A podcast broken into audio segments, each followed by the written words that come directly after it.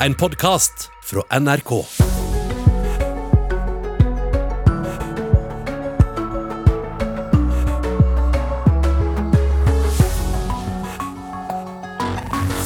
God morgen. Det har vært eh, nok en god natt i Tokyo sett med norske øyne. Roer Kjetil Borch tok sølv i OL-finalen i singelskøller, og Karsten Warholm kvalifiserte seg til semifinale på 400 meter hekk.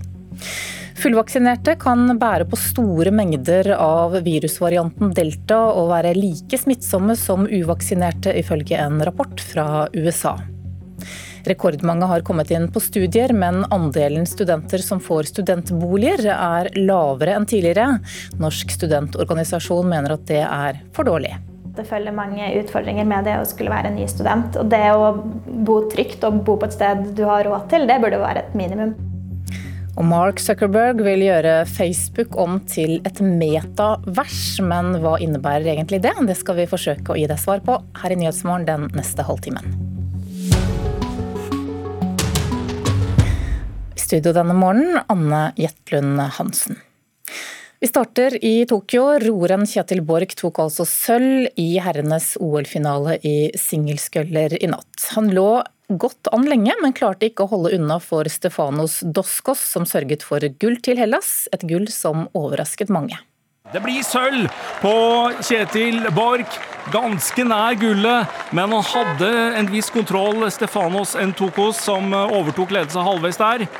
Men det er jo råsterkt med sølv. Men eh, vi hadde jo selvsagt håpa da at, eh, at, vi skulle få en gullmedalje. Men vi er strålende fornøyd med medalje her. Det hadde vært en skam å stått her og sagt at sølv er nederlag. I dag rodde jeg et uh, kjempebra løp, et taktisk bra løp. Et fysiologisk bra løp. Jeg la det opp akkurat sånn jeg skulle.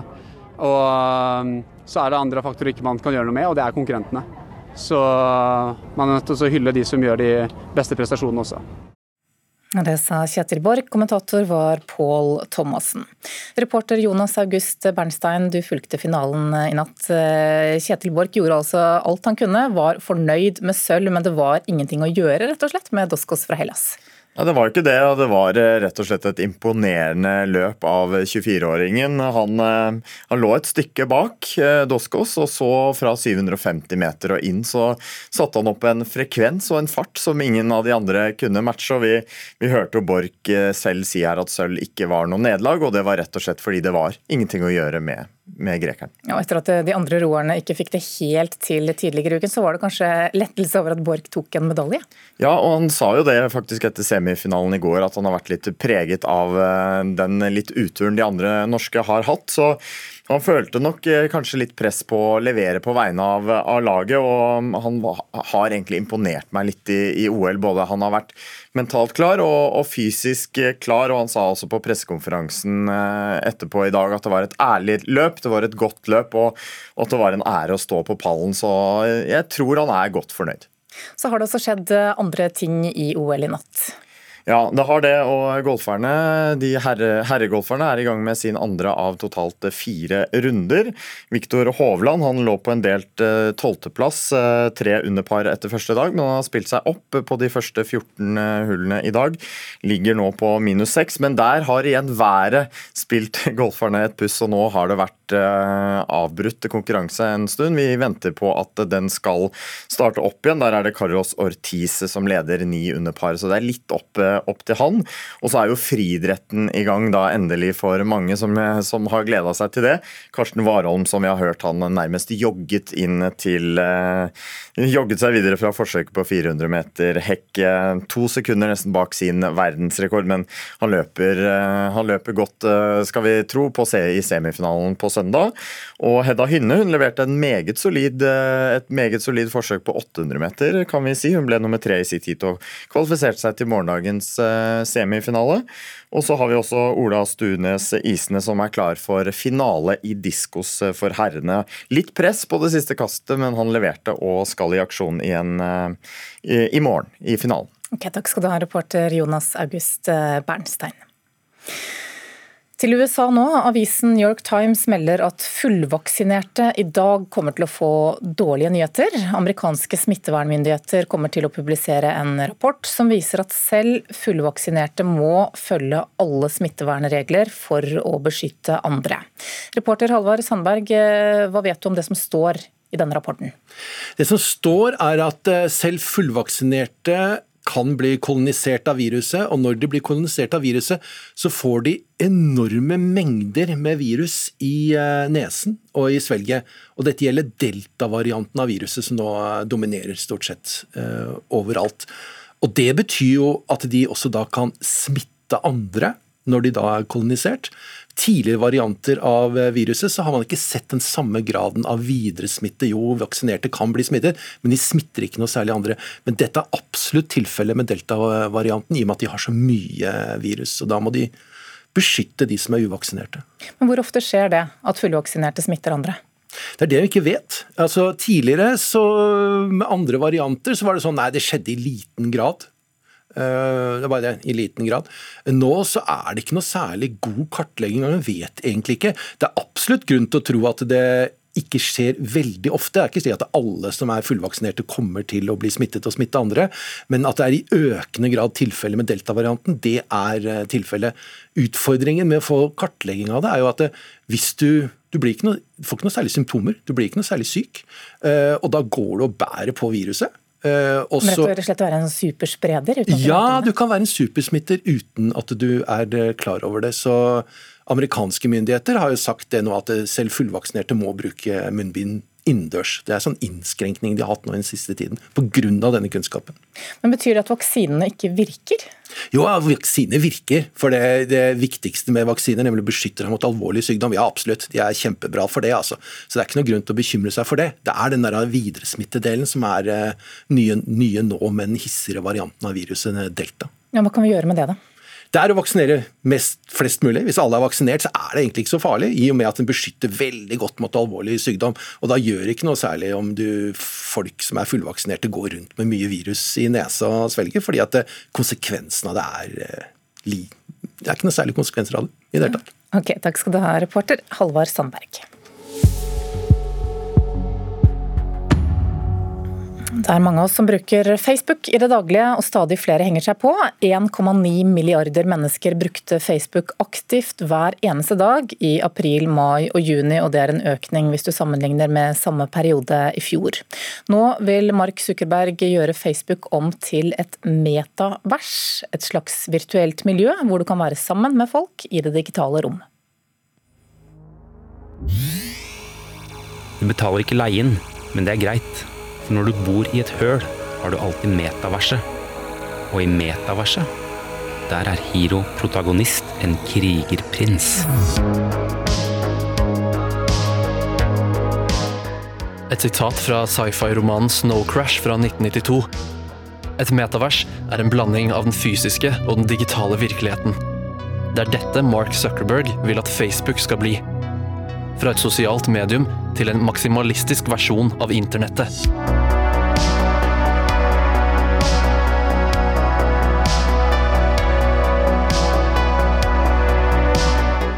Du lever i et virtuelt univers som dratt rett ut av en sci-fi-verden du har sett på kino.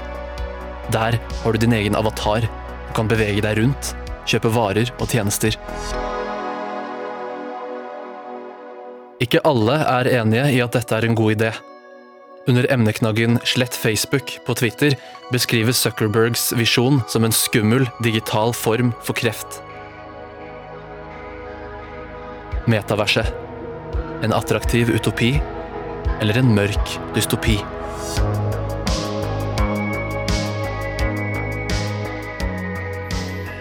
Reporter her, det var Tormod Brekke Øye. Bente Karlsnes, førsteamanuensis ved Institutt for kommunikasjon ved Høgskolen Kristiania, velkommen. Takk. Vi kan jo starte med det siste her. Er dette metaverset fristende, eller er det skremmende? Ja, for det første så er det litt uh, uhåndgripelig. Det er litt vanskelig å skjønne hva det egentlig er for noe. Ja, Hvis vi skal prøve å forklare det, hva er et metavers? Ja, Det er et uh, ord som faktisk kommer fra en science fiction-roman. og Det blir beskrevet som en, altså en, sammensmelting av det fysiske og det virtuelle og det mer sånn utvida universet. Der at den skal kunne bevege seg rundt eh, i en blanding av denne digitale og fysiske verden. Og overgangen skal være sømløse. Men eh, vi har ennå ikke sett hva dette faktisk kommer til å bli. Men hva kan det bli, da? Hvis det er Facebook som tar det i bruk, hva slags univers kan det eh, bli for deg og meg? Altså nå har det blitt presentert som en slags visjon om hva selskapet skal være. En slags eh, redefinisjon av Facebook. Det Facebook skal ikke bare være et sosial medieselskap, det skal være et, eh, et slags metavers, et utvida, eh, univers. Um, så det er også en måte å beskrive hvor Facebook skal bevege seg. Um, det kan også være en måte å skulle få oppmerksomheten bort fra litt uh, vanskeligere saker som pågår her og nå. Mm. Men litt vanskelig å få, få, tak i likevel. Betyr det at det, det, skal handle mer om lek og spilling og sånne ting, eller er det at vi kan kommunisere med folk eh, i et digitalt rom? Ja, Det er nok eh, begge de delene, og sikkert mange flere ting. Men for å kunne gjøre det, så er en også avhengig av å kunne ha eh, en form for skjerm eller briller. Eh, for å kunne få tilgangen til dette eh, dette den andre plassen. Eh, og hvordan det skal skje, det, det, er ikke klart. Men Kan du gi noen eksempler på hva vi kan se og oppleve i et, eh, i et metavers? Eh, det, det, kan være lignende spill for eksempel, som finnes i dag, og mange kjenner til Pokémon Go. Der en da kan se eh, avatarer, en kan se figurer som kommer opp når en holder skjermen foran noe. Så en kan også se for seg kanskje det kan være noe sånt i en mer utvida forstand. Men Sier dette noe om, om eh, at Facebook vil bevege seg i en ny retning? Det kan tyde på det. Eh, og Det handler også om hva type investeringer Facebook har gjort eh, gjennom de siste åra. En har kjøpt opp f.eks. selskap som heter Oculus Rift, eh, som er da en slags brille eller headset som en kan bruke i spillsammenheng. Og en, og en ser også at den digitale bruken har gått opp under pandemien, så det kan også være et forsøk på å holde folk enda mer til skjermene nå etter at pandemien etter hvert begynner å ebbe ut. Så hørte vi i innslaget før her at eh, denne metaversvisjonen eh, får en del motstand i sosiale medier. Vi ser også emneknaggen 'delete Facebook', eh, slett Facebook da, på, på Twitter. Hva handler dette, denne motstanden om? Ja, den Motstanden mot Facebook har pågått over mange mange år. Det har vært mange år med kritikk av måten de har håndtert det eh, brukerne sin data på, personvern, eh, eh, innblanding i valg f.eks., spredning av konspirasjonsteorier. Og nå i det siste så har det vært en god del kritikk mot Facebook pga. Spredning av eh, konspirasjonsteorier rundt vaksine, f.eks. Eh, mange politikere som har gått ganske hardt ut, bl.a. Joe Biden. Eh, så den oppfordringa om å slette Facebook har vært der i mange mange år, så det, ja, det er ikke nytt akkurat nå. Men så ser vi at Facebook tjener masse penger. De la fram tall i går som vel viste at de doblet overskuddet for andre kvartal, altså for eh, april, mai og, og juni. Hvordan ser du for at Facebooks framtid kommer til å bli de nærmeste to-tre årene? Ja, eh, nå ser vi at eh, Facebook i likhet med de andre teknologiselskapene har gjort det veldig godt under pandemien. Folk har brukt veldig masse oppmerksomhet på skjermene, eh, og særlig annonseinntektene har, har gått opp. Eh, og Så kan det være det blir noen endringer nå, eh, men det at, eh, at, Facebook har behov for å kanskje redefinere seg litt, skulle utvikle nye veier, det, det, er noe vi kan forestille oss. Samtidig så vet vi også at det, det er mer press altså politisk mot Facebook, i den forstand at det er flere som ønsker å bryte opp selskapet eller skattelegge det i større grad. Så det kan være en måte for Facebook å navigere seg ut av en del problemer som de har akkurat nå. Og En av de tingene er altså å lage et metavers, kanskje? Kanskje. Ok, Takk skal du ha, Bente Kveldsnes, førsteamanuensis eh, ved Institutt for kommunikasjon ved Høgskolen Kristiania.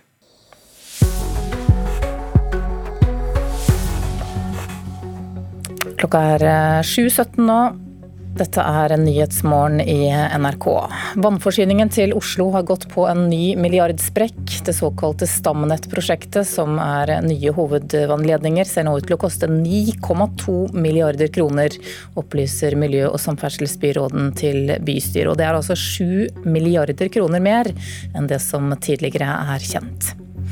Roeren Kjetil Borch tok sølv i OL-finalen i singelskøller i natt. Karsten Warholm kvalifiserte seg til semifinale på 400 meter hekk. Og fullvaksinerte kan være like smittsomme som uvaksinerte. Det skriver New York Times i dag. Aldri tidligere har flere søkt eller kommet inn på høyere utdanning, men andelen studenter som får tilbud om studentbolig er lavere enn tidligere. Det viser en undersøkelse Norsk studentorganisasjon står bak. De frykter at flere studenter må ut i et dyrt og uoversiktlig leiemarked. Det er alltid veldig fiklete med de greiene her. Sånn. Her er ryddig, vet du. Det er litt trangt om plassen hjemme hos Asbjørn Samuelsen Nygård i Sogn studentby i Oslo. Der deler han fellesarealer med tre andre studenter. Men med mange studenter som vil bo i rimelige studentboliger, var det med nød og neppe at han fikk seg plass i fjor. Jeg fikk det seint, så jeg måtte bo på Airbnb de ti første dagene. Så var det jo litt bedre å få en permanent plass da, selvfølgelig. Ja, Så det var godt å få kommet inn hit, da? Ja, det koster litt mindre for å si det mildt, og så er det litt bedre omstendigheter også. Og større plass. Men ikke alle studenter er like heldige som han. Nå er rekordmange tilbudt studieplass til høsten. Med det synker dekningsgraden på studieboliger. Det er veldig, veldig synd. Det sier leder i Norsk studentorganisasjon, Tuva Todnem Lund. Det er viktig for oss at flest mulig av norske studenter har tilgang på rimelige og trygge steder å bo, og da fortrinnsvis gjennom studentsamskipnadene. Studentorganisasjonen står bak årets studentboligundersøkelse, som viser at bare 15% av studenter får studentbolig i år. De har et mål om å ha en dekning på 20% Det blir mye vanskeligere å få plass å bo, og det er jo kjedelig. Da kommer man inn på det private markedet, og da vet man ikke helt hva man går til. Og så vet vi at studentøkonomien ikke er den romsligste, og at mange sliter med å få seg bolig. Med den store økninga av studenter mener studentorganisasjonen også at antallet studentboliger må økes. Det er vanskelig boligmarked nå for unge, og vi vet at det følger mange utfordringer med det å skulle være en ny student. Og det å bo trygt og bo på et sted du har råd til, det burde være et minimum, tenker jeg. Vi ønsker at dekningsgraden skal gå opp. Det sier forsknings- og høyere utdanningsminister Henrik Asheim. Og det er den nest høyeste dekningsgraden på ti år, så det går riktig vei, selv om det svinger litt ned akkurat i år. Men rekordmange studenter får nå plass. Burde dere ikke ha sett dette problemet komme? Vi bevilger jo studentboliger hvert eneste år, og det tar jo litt tid å bygge også studentboliger, som alle andre ting. Men det går ganske så sakte med nettopp studentboliger. Det er et eller annet som stopper opp i systemet. Både ministeren for høyere utdanning og studentorganisasjonen mener at norske kommuner nå må behandle studentboligsaker raskere. For ACM ønsker også at studentboliger skal kunne huse om lag 20% av alle norske studenter. Og det er fordi det bidrar både til at flere studenter får en billigere bolig, men også et lavere press i leiemarkedet mange steder. Så Derfor så er vi opptatt av å få bygget flere studentboliger, og det har vi gjort, og det skal vi fortsette å gjøre. Norsk studentorganisasjon er i alle fall klare på hva de mener må til. Nå trenger vi at regjeringen fortsetter å bevilge penger til å bygge studentboliger, og så trenger vi at samskipnadene bygger boligene, og da trenger vi at vertskommunene legger til rette for at samskipnadene skal kunne bygge. Det sa til slutt Tuva Todnem Lund, som er leder i Norsk studentorganisasjon. Reporter her, det var Torkel Stoltz. Så til Afghanistan, der tallet på drepte sivile ikke har vært så høyt på mange år. FN startet å registrere tallet på skadde og drepte sivile i 2009, og ikke siden da er det registrert så mange og drepte og skadde som første halvår i år. Dette skjer samtidig som Nato-landene nå trekker styrkene sine ut av landet.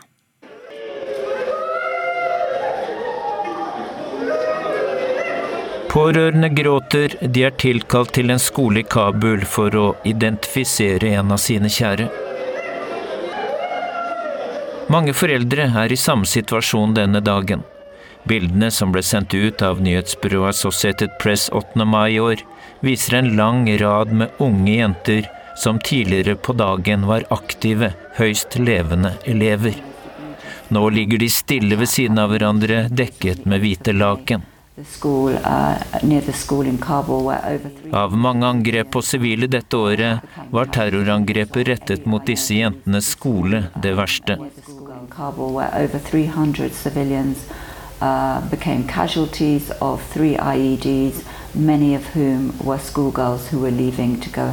day. Tre bilbomber gikk av utenfor skolen, sier Fiona Fraser, som er leder for FNs menneskerettsarbeid i Afghanistan. Bombene gikk av like før jentene gjorde seg klare for å dra hjem, forteller Frøyser. Mange av de 300 skadde og drepte denne dagen var skolejenter. Dette er afghanske regjeringssoldater på patrulje. De skyter mot noen i en skråning. Soldatene som skyter, har søkt dekning bak sine pansrede kjøretøy. Fiona Fraser ved FN-kontoret har skrevet en rapport om den dramatiske økningen i tallet på drepte sivile dette året. Til nå har FN registrert 1659 sivile som er drept i løpet av de første seks månedene av 2021. Det er en økning på hele 47% i forhold til på samme tid i fjor. For the first six months of 2021, women and children made up uh, nearly half of the total number of civilian casualties. Nærmere halvparten av sivile som er drept i år, er barn og kvinner. Mange er drept mens de var i sine egne hjem, forteller Fraser. When they were sheltering in their homes, um, they, many of them were um, impacted by mortars, uh, artillery and also affected by IEDs. Drept av granater, artilleri eller av bilbomber, forteller Fraser. Volden i Afghanistan har økt siden begynnelsen av mai, omtrent samtidig som USA og andre Nato-land startet å trekke sine soldater ut av Afghanistan. Ifølge FN har flest sivile blitt drept i angrep utført av Taliban, mange er også drept i angrep som den islamske staten IS står bak. Reporter her, det var Dag Bredvei. Utenriksmedarbeider Eirik Veum, velkommen. Takk. Du var i Afghanistan for noen uker siden og følger med på utviklingen der. Hvorfor har det vært en så dramatisk økning i tallet på drepte sivile nå de siste månedene? Det er to forklaringer på det. Det ene er at Taliban har satt inn en offensiv for å ta områder i Afghanistan. De sier nå selv at de kontrollerer 85% av landet. Det er nok noe overdrevet, men de har gått inn i områder der de ikke har hatt kontroll eh, tidligere. Iallfall ikke siden de da ble, ble, fjernet for 20 år siden. I byer og, og i grenseområdene. Dette har ført til krigshandlinger og mange drepte sivile. Den andre forklaringen er terroraksjoner fra, fra, fra IS, den islamske staten, som vil få, eller ønsker å få en posisjon i Afghanistan og går etter mål der, der de forsøker å drepe så mange sivile som mulig. Mm, men det handler altså om at de kanskje også får et rom da, når Nato trekker sine styrker ut? Ja, Det er det som skjer nå. Altså, det bør ikke overraske noen at når Nato tar med seg sine soldater og drar ut, så er det et vakuum. Og, og, Det er jo forklaringen på at Taliban selvfølgelig setter inn offensiven, og at IS nå ser at de kan, kan nå operere mer mer fritt. Men Er dette også noe Nato har lagt inn i regnestykket? De har i alle fall advart eh, om det. Så, så det er klart at uh, ingen er overrasket over at uh, særlig Taliban endret sin strategi når Nato dro. Men Hvordan har Talibans rolle da utviklet seg etter at Nato gikk inn i Afghanistan for mange år siden? Ja, altså De startet jo da tilbake i for seg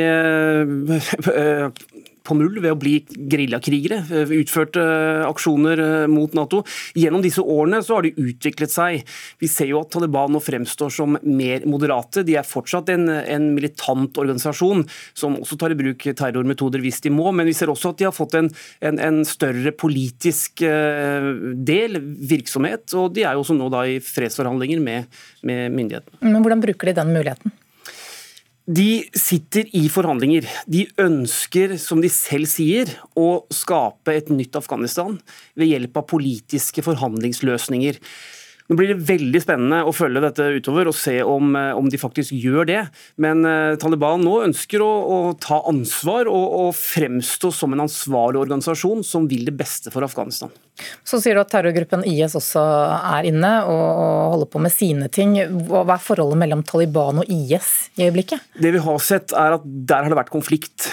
IS og Taliban er, eh, har samarbeidet, men de, de, siste årene så har vi sett at de har vært i åpen konflikt med hverandre. og Taliban har vært helt tydelig på at IS skal ikke operere i Afghanistan hvis de får makten. Men Er det noen fare for at det bryter ut en borgerkrig i landet? Ja, Mange frykter det, selvfølgelig. Og eh, Den risikoen er der, og den er stor. Men mange vil jo også se på at vi må forsøke å holde fast ved noen lyspunkter, for de er der. Og eh, Det er fredsforhandlinger. Vi ser at Taliban har blitt mer moderate. De snakker om at de vil ta hensyn til kvinners rettigheter, de vil ta politisk ansvar. Taliban er heller ikke tjent med en krig, en stor borgerkrig. De er militært underlegne. Eh, myndighetene har fortsatt støtte av, av USA, bl.a. Eh, gjennom flyangrep. Så, så Taliban eh, vil, hevder iallfall at de vil forsøke å finne en politisk løsning på Afghanistan nå. Så hører vi enkelte stemmer, bl.a. fra norske politikere her hjemme, enkelte norske politikere her hjemme, som sier at Natos krigføring i Afghanistan de siste 20 årene har vært bortkastet. Har de rett i det? Det er noe for tidlig å slå fast om det var bortkastet eller ikke. Hvis, hvis Taliban og myndighetene, hvis afghanerne nå, etter 20 år med krig, setter seg ned og finner en fredelig løsning sammen for Afghanistan, går videre sammen for å, for å skape et godt samfunn, så kan man jo si at det krevde, det trengtes 20 år med krig, men da kan man si at det var verdt det. Hvis det nå bryter ut full borgerkrig, så kan man jo på den andre siden si at det var fullstendig mislykket. Jeg snakket lenge med forsvarssjef Eirik Kristoffersen i går om akkurat dette. Og Han sa at når vi dro til Afghanistan i 2001, så hadde vi to mål. Det var å fjerne Taliban, og det var å forhindre at Al Qaida kunne utføre nye terrorangrep mot vestlige land. I tillegg dukket det opp et tredje mål etter hvert, skape en stabil stat. Det mislyktes vi med, men vi oppnådde de to første målene. Det hadde en høy pris, det kostet norske menneskeliv, men det måtte gjøres. Og eh, det var prisen vi måtte betale. Alternativet var mye verre. Takk skal du ha, utenriksmedarbeider Eirik Veum. Dette er Nyhetsmorgen. Nå er klokka straks 7.30, eh, og du skal få Dagsnytt ved Vidar Eidhammer.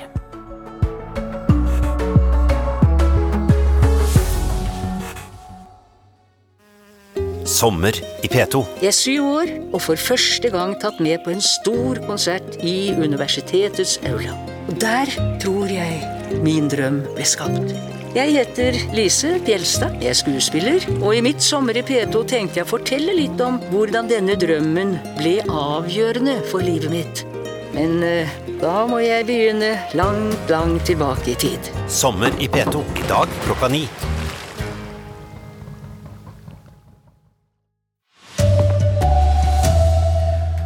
Norsk medaljejubel i OL. Kjetil Borch rodde inn til sølv. Jeg har det veldig bra. Jeg rodde som faen. Vaksinerte sprer koronaviruset like mye som uvaksinerte, syner amerikansk rapport. Og det blir stadig færre uten bostad i Norge. Her er NRK Dagsnytt klokka 7.30. Roeren Kjetil Borch vant sølv i singelskøller i OL i Tokyo i natt. Stefanos Ntoskos tok et overraskende gull for Hellas. Det blir sølv på Kjetil Borch. Ganske nær gullet, men han hadde en viss kontroll, Stefanos Ntokos, som overtok ledelsen halvveis der. Men det er jo råsterkt med sølv. Men eh, vi hadde jo selvsagt håpa da at, eh, at, vi skulle få en gullmedalje. Men vi er strålende fornøyd med medalje her. Jeg har det veldig, jeg har det veldig bra. Jeg har det kjempebra. Eh, grekeren er wildcard. Han ror som faen. Og det gjorde jeg også. Jeg rodde som faen, men uh, det ble tøff. det forteller Kjetil Borch med medaljen hengende rundt halsen. Han avfeier at sølvet var en skuffelse. Det hadde vært en skam å stått her og sagt at sølv er nederlag. I dag rodde jeg et uh, kjempebra løp, et taktisk bra løp. Et fysiologisk bra løp. Jeg la det opp akkurat sånn jeg skulle. Og uh, så er det andre faktorer ikke man kan gjøre noe med, og det er konkurrentene. Så man er nødt til å hylle de som gjør de beste prestasjonene også. Borch ga alt i kampen om sitt første OL-gull, men måtte se seg slått av en greker i kalasform. Uh, it's one of the best uh, moments of my life. I'm very happy and very excited. I don't have words how much I am.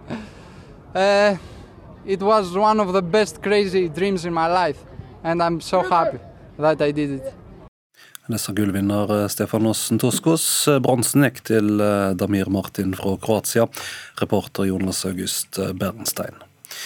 Vassforsyninga til Oslo har gått på en ny milliardsprekk. Det såkalte Stamnett-prosjektet, som er nye hovedvassledninger, ser nå ut til å koste 9,2 milliarder kroner, og det er 7 milliarder kroner mer enn tidligere kjent. Dette opplyser miljø- og samferdselsbyråd Sirin Stav til bystyret.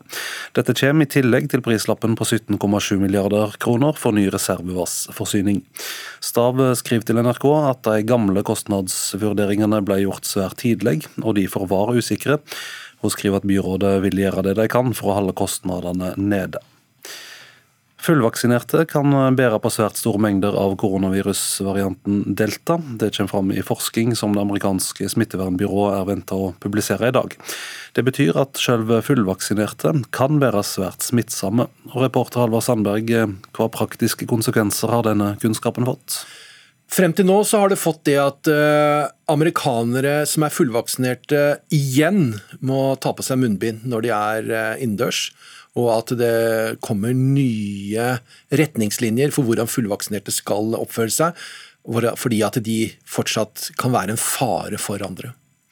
Men hva er det egentlig eh, som er nytt her? Vi har jo vært klar over før at selv fullvaksinerte kan bli smitta. Det som er nye, er kunnskap om hvordan delta-varianten opptrer. Og det at eh, det er så enormt store mengder med virus i nese og svelg som eh, de fullvaksinerte kan få. Og har du store konsentrasjoner av virus i nese og svelg, ja da er du en reell smitterisiko for andre. Takk skal du ha, reporter Halvard eh, Sandberg. Vi kan jo også ta med at alle føderalt ansatte i USA som ikke er fullvaksinert eh, mot korona, må fra nå nytte munnbind på jobb og teste seg ofte. Det har Det hvite hus kunngjort. De nye kravene gjelder fire millioner føderalt ansatte og innleide arbeidere. President Joe Biden vil også be lokale styresmakter om å lokke folk som er skeptiske til vaksiner, med en utbetaling på 100 dollar om de lar seg vaksinere. Tallet på folk uten bostad i Norge har gått ned med 15% fra 2016 til i fjor. Det syner en ny rapport. Forsker og leder av kartlegginga, Eveline Dyb, sier årsaken er at styresmaktene i lang tid har satsa på å få tallet ned. Og Det viser at det er mulig å oppnå resultater hvis man er villig til å prioritere et område som er ganske komplekst. Det sier forsker ved Oslo OsloMet Evelyn Dyb. Hun leder den nasjonale kartleggingen av bostedsløse. Det er flest mennesker uten et sted å bo i de store byene, og halvparten av bostedsløse har en rusavhengighet. Kartleggingen målte 3325 bostedsløse personer i Norge i løpet av uke 48 i november 2020. En nedgang på 15% fra forrige undersøkelse i 2016. Ove Trellevik er stortingsrepresentant for Høyre. Han mener nedgangen viser at regjeringen har gjort mye riktig for å redusere antallet bostedsløse i Norge. Ja, Vi har siden 2013 halvert omfanget av eh, antall bostedsløse. Vi har eh, gjort eh, bostøtten mer målretta, og vi har økt kommunene sitt handlingsrom økonomisk. Vi har stilt muligheter for de til å ta opp lån og få andre tilskudd i kommunene, og bedra botilbudet for de, de bostedsløse. Nedgangen til tross Marian Hussein, stortingskandidat for Oslo SV, lar seg ikke overbevise av regjeringens strategi mot bostedsløshet. Det fulgte jo ikke noe mer øremerkede penger til sosial boligutbygging. Det var ikke en opprustning av Husbanken. Det sa Marian Hussein i SV. Reporter i saka var Maria Jostad. En brann der mange bor tett kan få store konsekvenser, og derfor drar brannvesenet jevnlig på inspeksjon på til dømes campingplasser. NRK ble med på inspeksjon i Vestfold. Si, det brenner ikke oftere på campingplasser enn vanlige plasser, men det er liksom så mange folk på så tett område, så det er litt større risiko dermed hvis det skulle eh, begynne å brenne. Tommy Lervik fra brannvesenet i Larvik er på inspeksjon på campingplassen Kolbensrød i nærheten av Stavern. Sammen med Carl Hagen, som eier og driver stedet, går de mellom de omtrent 200 campingvognene på en stor gresslette som går ned mot vannet. Så her vil du se, her har vi jo Branngata, seks meter. Yes. Som er helt freda og klar og fri. Telt satt opp med god avstand. Mm. Alltid tre meter mellom brennbare materialer. Her har vi jo brannposten, som dekker alle plassene rundt på området. her sånn. På Kolbensrud har de aldri opplevd noen brann, men Hagen er likevel fullt klar over farene. Det går rett og slett på det at man har mer lettantennelig materiale, spesielt da hvis man har av den type vanlig fortelt i duk, da, for å si sånn som vi ser her. Mm. Så, så har jo ikke det noen brannhemmende effekt hvis det første tar fyr. Da går det jo veldig fort, ikke sant. Så hva er det egentlig man må ha i campingvogna, ifølge de som kan dette? I campingvogn så skal du ha røykvarsler i campingvogn og bobil. Og, du skal, og det er krav om at du skal ha to kilos pulverapparat, men vi anbefaler på det sterkeste å ha seks kilo. Har du fortelt òg, så anbefaler vi jo å ha en røykvarsler i forteltet òg. Og mens brannvesenet fortsetter inspeksjonen, slipper vi inn i vogna til Terje Lervold. Her har du at uh, har gassalarm, og så sitter røykvarsleren. Den sitter baki her. Så den funker. Reporter Torvald Skåre Askim. Rekordmange har eh, kommet inn på studier, men færre får studentbostad. Det syner tall fra Norsk studentorganisasjon, som krever at det blir bygd flere studentbostader fortere. Sånn, her er ryddig, vet du. Det er litt trangt om plassen hjemme hos Asbjørn Samuelsen Nygård i Sogn studentby i Oslo. Men med mange studenter som vil bo i rimelige studentboliger, var det med nød og neppe at han fikk seg plass i fjor. Jeg fikk det seint, så jeg måtte bo på Airbnb de ti første dagene. Så var det jo litt bedre å få en permanent plass, da, selvfølgelig. Det koster litt mindre, for å si det mildt. Men ikke alle studenter er like heldige som han. Studentorganisasjonen står bak årets studentboligundersøkelse, som viser at bare 15% av studenter får studentbolig i år. Det er veldig, veldig synd. Det sier leder i Norsk studentorganisasjon, Tuva Todnem Lund. De har et mål om å ha en dekning på 20% Det å bo trygt og bo på et sted du har råd til, det burde være et minimum, tenker jeg. Vi ønsker at dekningsgraden skal gå opp. Det sier forsknings- og høyere utdanningsminister Henrik Asheim. Og det er den nest høyeste dekningsgraden på ti år, så det går riktig vei, selv om det svinger litt ned akkurat i år. Men rekordmange studenter får nå plass. Burde dere ikke ha sett dette problemet komme?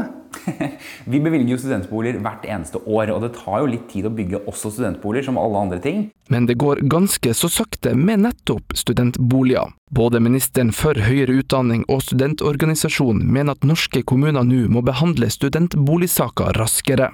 Nå trenger vi at regjeringen fortsetter å bevilge penger til å bygge eh, studentboliger. og Så trenger vi at samskipnadene bygger boligene, og da trenger vi at vertskommunene legger til rette for at eh, samskipnadene skal kunne bygge. Til slutt her hører du lederen i Norsk studentorganisasjon, Tuva Todnem Lund, og reporter i saka var Torkil Stoltz. Ansvarlig for denne dagsnyttsendinga var Anne Skårseth, og i studio Vidar Eidhammer.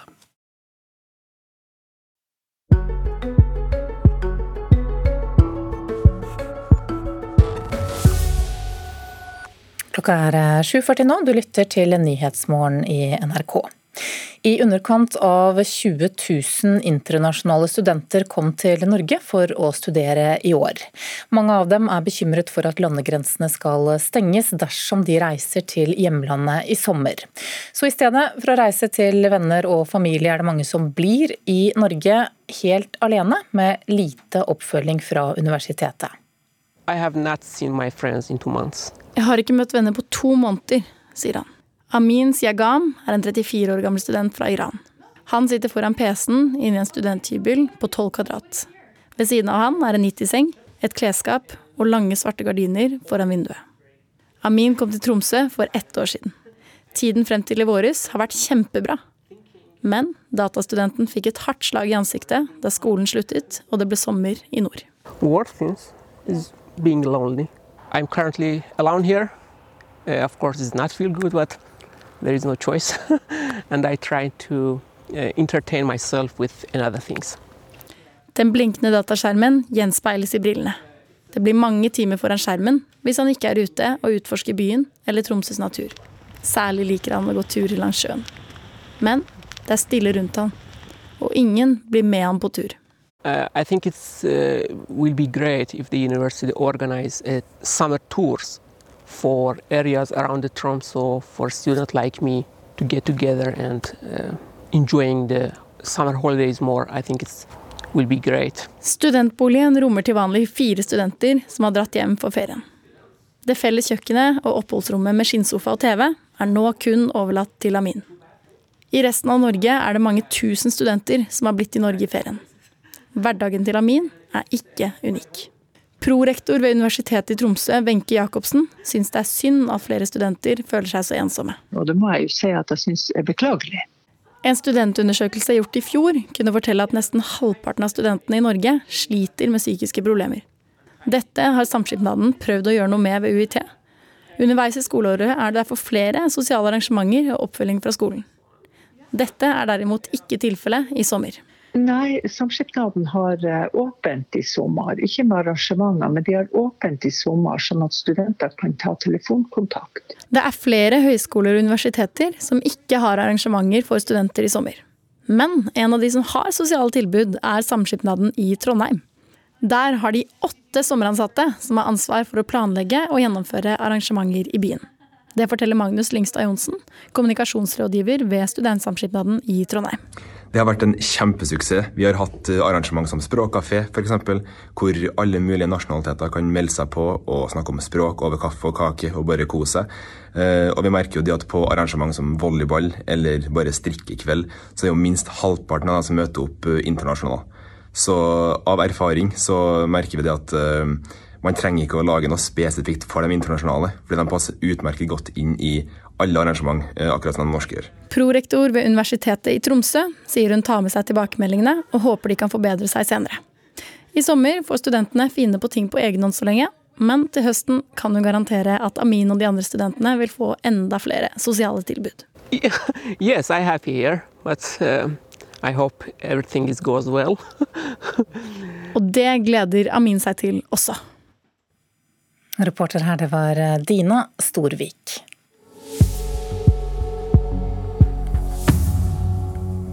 Klokka er straks 7.44. Dette er Nyhetsmorgen i NRK. Hovedsakene våre i dag er som følger. Oslo får en ekstraregning på 9 milliarder kroner for andre del av prosjektet som skal gi hovedstaden ny vannforsyning. Det er 7 milliarder kroner mer enn det som tidligere har vært kjent.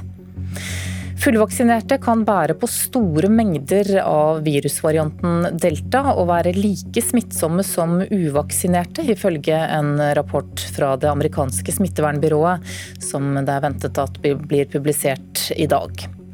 Og så har det vært nok en god natt i Tokyo. Sett med norske øyne, roer Kjetil Borch tok sølv i OL-finalen i singelsculler i natt. Karsten Warholm kvalifiserte seg til semifinale på 400 meter hekk. I Politisk sommerkvarter så er det i dag Jon Engen Helgheim fra Fremskrittspartiet som er gjest. Reporter er Camilla Heier-Wang.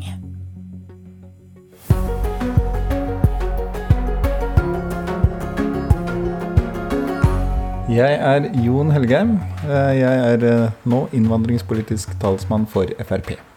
Og jeg stiller til valg. Og stiller eh, til valg for eh, Oslo Frp Stortingsvalget i 2021. Hei. Vi prøver igjen. Da prøver vi igjen. Ja. For andre dag på rad står Fremskrittspartiets Jon Helgheim og venter på meg ved busstasjonen i Drammen. Sånn. Dagen før virket verken opptaker eller mikrofon. I øsende regn ventet Helgheim sindig, mens det ble tatt lange telefoner til Marienlyst for å finne ut av teknikken. Om enn han er utålmodig i debatter, Kom ikke det frem i de 45 minuttene NRK hadde tekniske vansker? Det tok meg en times tid i går å finne ut hva som var galt. Hva var galt? Nei, eh, det var noe med eh, den eh, opptakeren. Så. Ja, ja. Da får vi håpe han holder i dag, da. Ja. Jeg har ventet lenge, da. Nå kjører vi omsider av sted i den svarte Audien. Utenpå gliser et stort bilde av Helgheim mot medtrafikantene. Nei, det er litt uh, Det er litt uvant fortsatt, selv om dette er vel tredje eller fjerde valgkampen jeg gjør det. Uh, så er det litt uvant. Det er sånn når jeg skal rygge og så ser meg bakover her, så ser jeg plutselig rett på meg selv gjennom eh, vinduet. Og det, det hender man glemmer det bort og, og, får seg en liten påminnelse. Men man blir vant med det, altså. Det er valgkamp handler om profilering, så eh, man, man, blir jo vant med det. Ja, for du håper at uh, når folk blir vant til ansiktet ditt på bilen, så uh, har de også mer lyst til å stemme Frp? Jeg veit ikke. Det er veldig mange ting som spiller inn. Um, men det at folk eh, kjenner deg igjen og, og, vet hva du står for, det er viktig. Og da har det blitt veldig vanlig at uh, vi uh, politikere prøver å profilere oss på alle mulige arenaer. Så det er jo ikke én enkelt ting som avgjør noe som helst, men uh, alt bidrar forhåpentligvis. Så det har blitt veldig vanlig. Nå er det flust av valgkampbiler rundt omkring etter hvert, og flere vil komme. Bygg Manglerudtunnelen nå, står det utenpå. Sammen med rimet 'Stopp MDG, stem Frp'. Alt med hilsen fra andrekandidaten i Oslo Fremskrittsparti. Nei, nå er vi bare hjem til meg, da. Eh, og hvor er det? Det er det grå huset du ser oppe på toppen der. Ah. Rett frem. Det er et hus fra Det med sånne hvite karmer, eller? Ja. Etter at han tapte førsteplassen som kandidat i Buskerud, måtte Helgheim lete etter en ny valgkrets. Den fant han i Oslo. Men fortsatt bor han her, i en av Drammens mest sammensatte bydeler, Fjellsbyen. Navnet kommer av at det her er i fjell. Fjellskrent. Så jeg bor uh, ute på kanten av en liten fjellskrent. Ja. Er det en metafor for andre ting i livet ditt, eller? Nei, det er nok ikke det. Men uh, jeg kjøpte huset veldig mye pga. beliggenheten og utsikten. Det var ikke mye å skryte av det huset, egentlig. Hvis du må velge mellom utsikt eller innsikt, hva velger du? Nei, da blir det utsikt på fritida og innsikt i jobben, vil jeg eh, anta. Ja, er familien din hjemme, eller? Det er bare dattera mi som er hjemme. Ok en støvsuger som driver og kjører rundt der.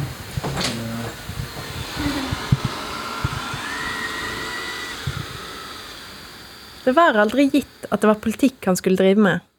Helgheim vokste opp som en av 14 søsken i en familie som tilhørte Smiths venner. Og som tenåring var det reklamedesign som fristet aller mest. Ja, det stemmer. Det er en eller annen grunn så hadde jeg lyst til det. Jeg har alltid vært fascinert av eh, gode, kreative sjeler som lager fengende og virkningsfulle reklamer. Og så tenkte jeg at det hadde vært spennende å jobbe med. Så det var det jeg ville. Og så har jeg alltid vært eh, interessert i eh, litt sånn kreative ting selv, som tegning og, litt grann uh, malerier og sånne ting. Um, så derfor valgte jeg det. Men en kjedelig kjemitime skulle bli skjebnesvanger.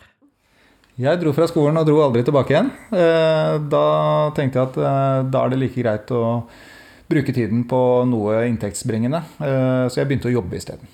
Det med at du ikke gikk ferdig videregående, um, og heller ikke har tatt noe såkalt høyere utdanning, hvordan preger det deg som politiker nå? Nei, altså det tror ikke det. Det er veldig mange som tror, tror at jeg har uh, utdanning innen juss av en eller annen grunn. Og andre uh, de mener at jeg er en ubrukelig politiker fordi jeg ikke har noe utdanning.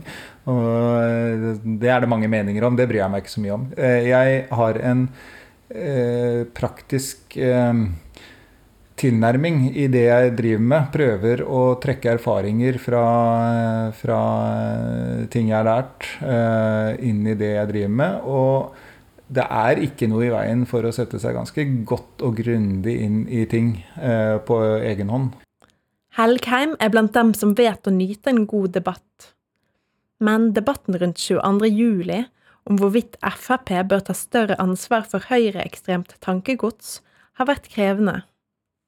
Det har vært eh, litt eh, vanskelig å forholde seg til, egentlig. Eh, fordi det, det gjerningsmannen gjorde og sto for, det er like fjernt for meg og alle i Frp som det er for folk i alle andre partier.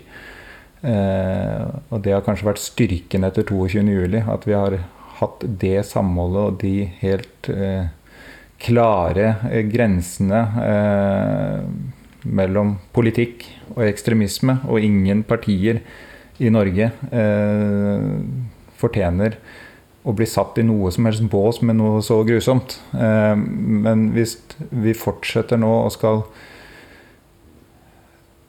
ødelegge samholdet som vi skapte etter 22.07, så er jeg litt eh, mer bekymra eh, for eh, hvordan vi skal eh, møte sånt fremover.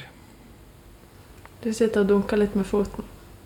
Ja, eh, det er jo klart det er eh, Det er et veldig ømt og følsomt tema for kanskje alle som Som Ja.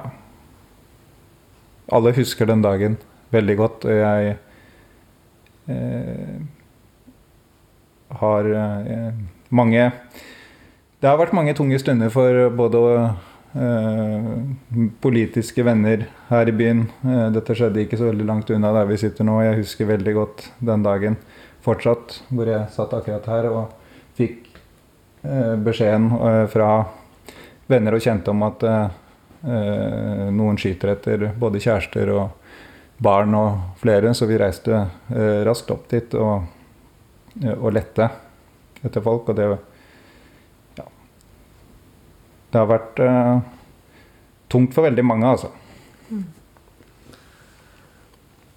Fordi Så du, du reiste rett og slett uh, til Utøya den, uh, den dagen? Ja, jeg fikk eh, telefoner eh, mens jeg sto akkurat her eh, og kikka ut av vinduet en like regntung dag. Ehm, og eh, folk sa at de var på vei opp, for eh, en hadde fått telefon fra kjæresten sin. Da sa jeg at det er nok bedre at jeg eh, kjører opp da, så vi Så han kom innom her, og vi kjørte opp dit, og der møtte vi jo flere eh, kjente, flere politiske kollegaer. Eh, og det blei til slutt en gjeng som eh, var med i bilen min, som lette etter eh, sine både barn og kjærester og venner og kjente. Og vi endte til slutt opp på, på Sundvolden hotell, på pårørendesenteret der. Og det var jo da jeg skjønte omfanget av det som har skjedd. Kommer nok aldri til å glemme de eh, blikkene som jeg så, eh, og de scenene eh, og den fortvilelsen, men også det samholdet jeg så fra de tapre AUF-erne. Eh, det kommer jeg aldri til å glemme. Og noen eh, fant vi ganske raskt i god behold. Og for andre så endte den turen med, med bunnløs sorg. Eh, da det etter hvert ble klart at eh, barn helt ned i 14-15-årsalderen ja, aldri kom tilbake. Det er bare én som har ansvaret for terrorangrepet 22.07, eh, og det er gjerningsmannen sjøl. Det alle vi andre har et ansvar for, derimot, det er hva slags samfunn det vi vil ha, hva slags offentlig debatt vi vil ha, hvordan vi bidrar til å forebygge ekstremisme. Og Derfor så vil jeg også understreke at når vi skal diskutere ideologien og tankegodset i høyreekstreme miljøer, så kan det, det kan ikke ende opp med å handle om man, om man er for eller mot Fremskrittspartiet. Det, det, da tror jeg man gjør det nesten litt for enkelt for seg sjøl. Altså, det er jo ikke sånn det fungerer. Men det er klart at hvis alle har en rolle, og Fremskrittspartiet gjerne vil være med å diskutere disse rollene, så kan vi òg snakke om Fremskrittspartiet sin rolle. Det sa nestleder i Arbeiderpartiet, Hadia Tajik, i debatt med Frp-leder Sylvi Listhaug i Dagsnytt 18 på onsdag. De siste ukene har debatten gått om høyresidens ansvar for å ta tydelig avstand fra høyreekstremisme. Du er en tydelig kritiker av enkelte sider av innvandringspolitikken som vi har i Norge. Gjør du deg selv noen tanker om hvorvidt det du sier kan føre til fremmedfrykt eller farlige holdninger? Jeg er veldig trygg på at det jeg står for, det jeg sier, eh, det som er partiets politikk, det vil, eh, hvis det blir gjennomført, føre til en bedre hverdag. Både for eh, innvandrere i Norge, for det norske samfunnet og for mennesker som reelt sett er på flukt. Så jeg føler meg på meget trygg og god grunn i de spørsmålene. Men vi har alle uansett et ansvar, fordi det er alltid noen som vil misforstå. Både fra venstresiden og høyresiden, og som trekker dine meninger over i noe du ikke har ment. Eh, og da er det viktig å si fra. Eh, det kommer konspirasjonsteorier fra mange hold i Norge. Avviser du helt at uh, du og Altså du som innvandringspolitisk talsperson har et ansvar for for uh, mer uh, fremmedfiendtlige holdninger i, i grenselandpolitikk um, og andre miljøer? Jeg syns det er ganske ubegripelig hvis noen skulle klare å sette det som er helt legale meninger eh, om innvandring, eh, og vårt eh, helt reelle ønske om å skape en bedre hverdag for både innvandrerbefolkningen og eh, for det norske samfunnet, og for de som er på flukt, å sette det i sammenheng med høyreekstreme eh, og helt ytterliggående krefter som vi ikke har noe til felles med, det syns jeg er veldig vanskelig å forholde seg til. Finnes det i din mening ytringer eller holdninger som ikke hører hjemme i offentligheten? Ja, det er mange meninger som kommer frem i eh, kommentarfelt eh, og forskjellige arenaer som eh, er basert på løgner, som er eh, konspirasjonsteorier, som ikke hører noe sted hjemme. Og da sier vi ifra. Da tar vi det opp. Så presenterer vi en faktabasert tilnærming til det. Det er måten vi møter det. Det er måten jeg alltid har møtt sånne ting på. Jeg har vært tydelig på disse tingene og tatt tak i f.eks hetsen av overlevende eh, som gjør meg helt rysta. Eh, at det kan skje. Det hører ingen sted hjemme.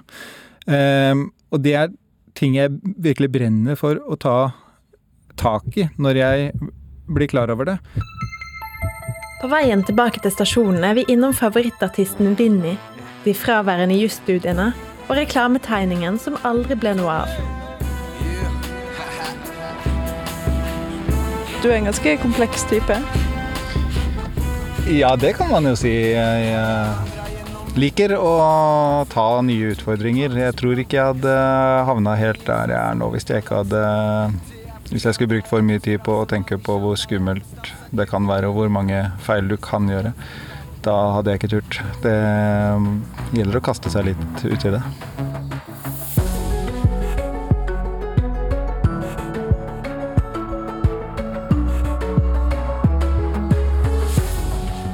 Du har hørt en podkast fra NRK. Hør flere podkaster og din favorittkanal i appen NRK Radio.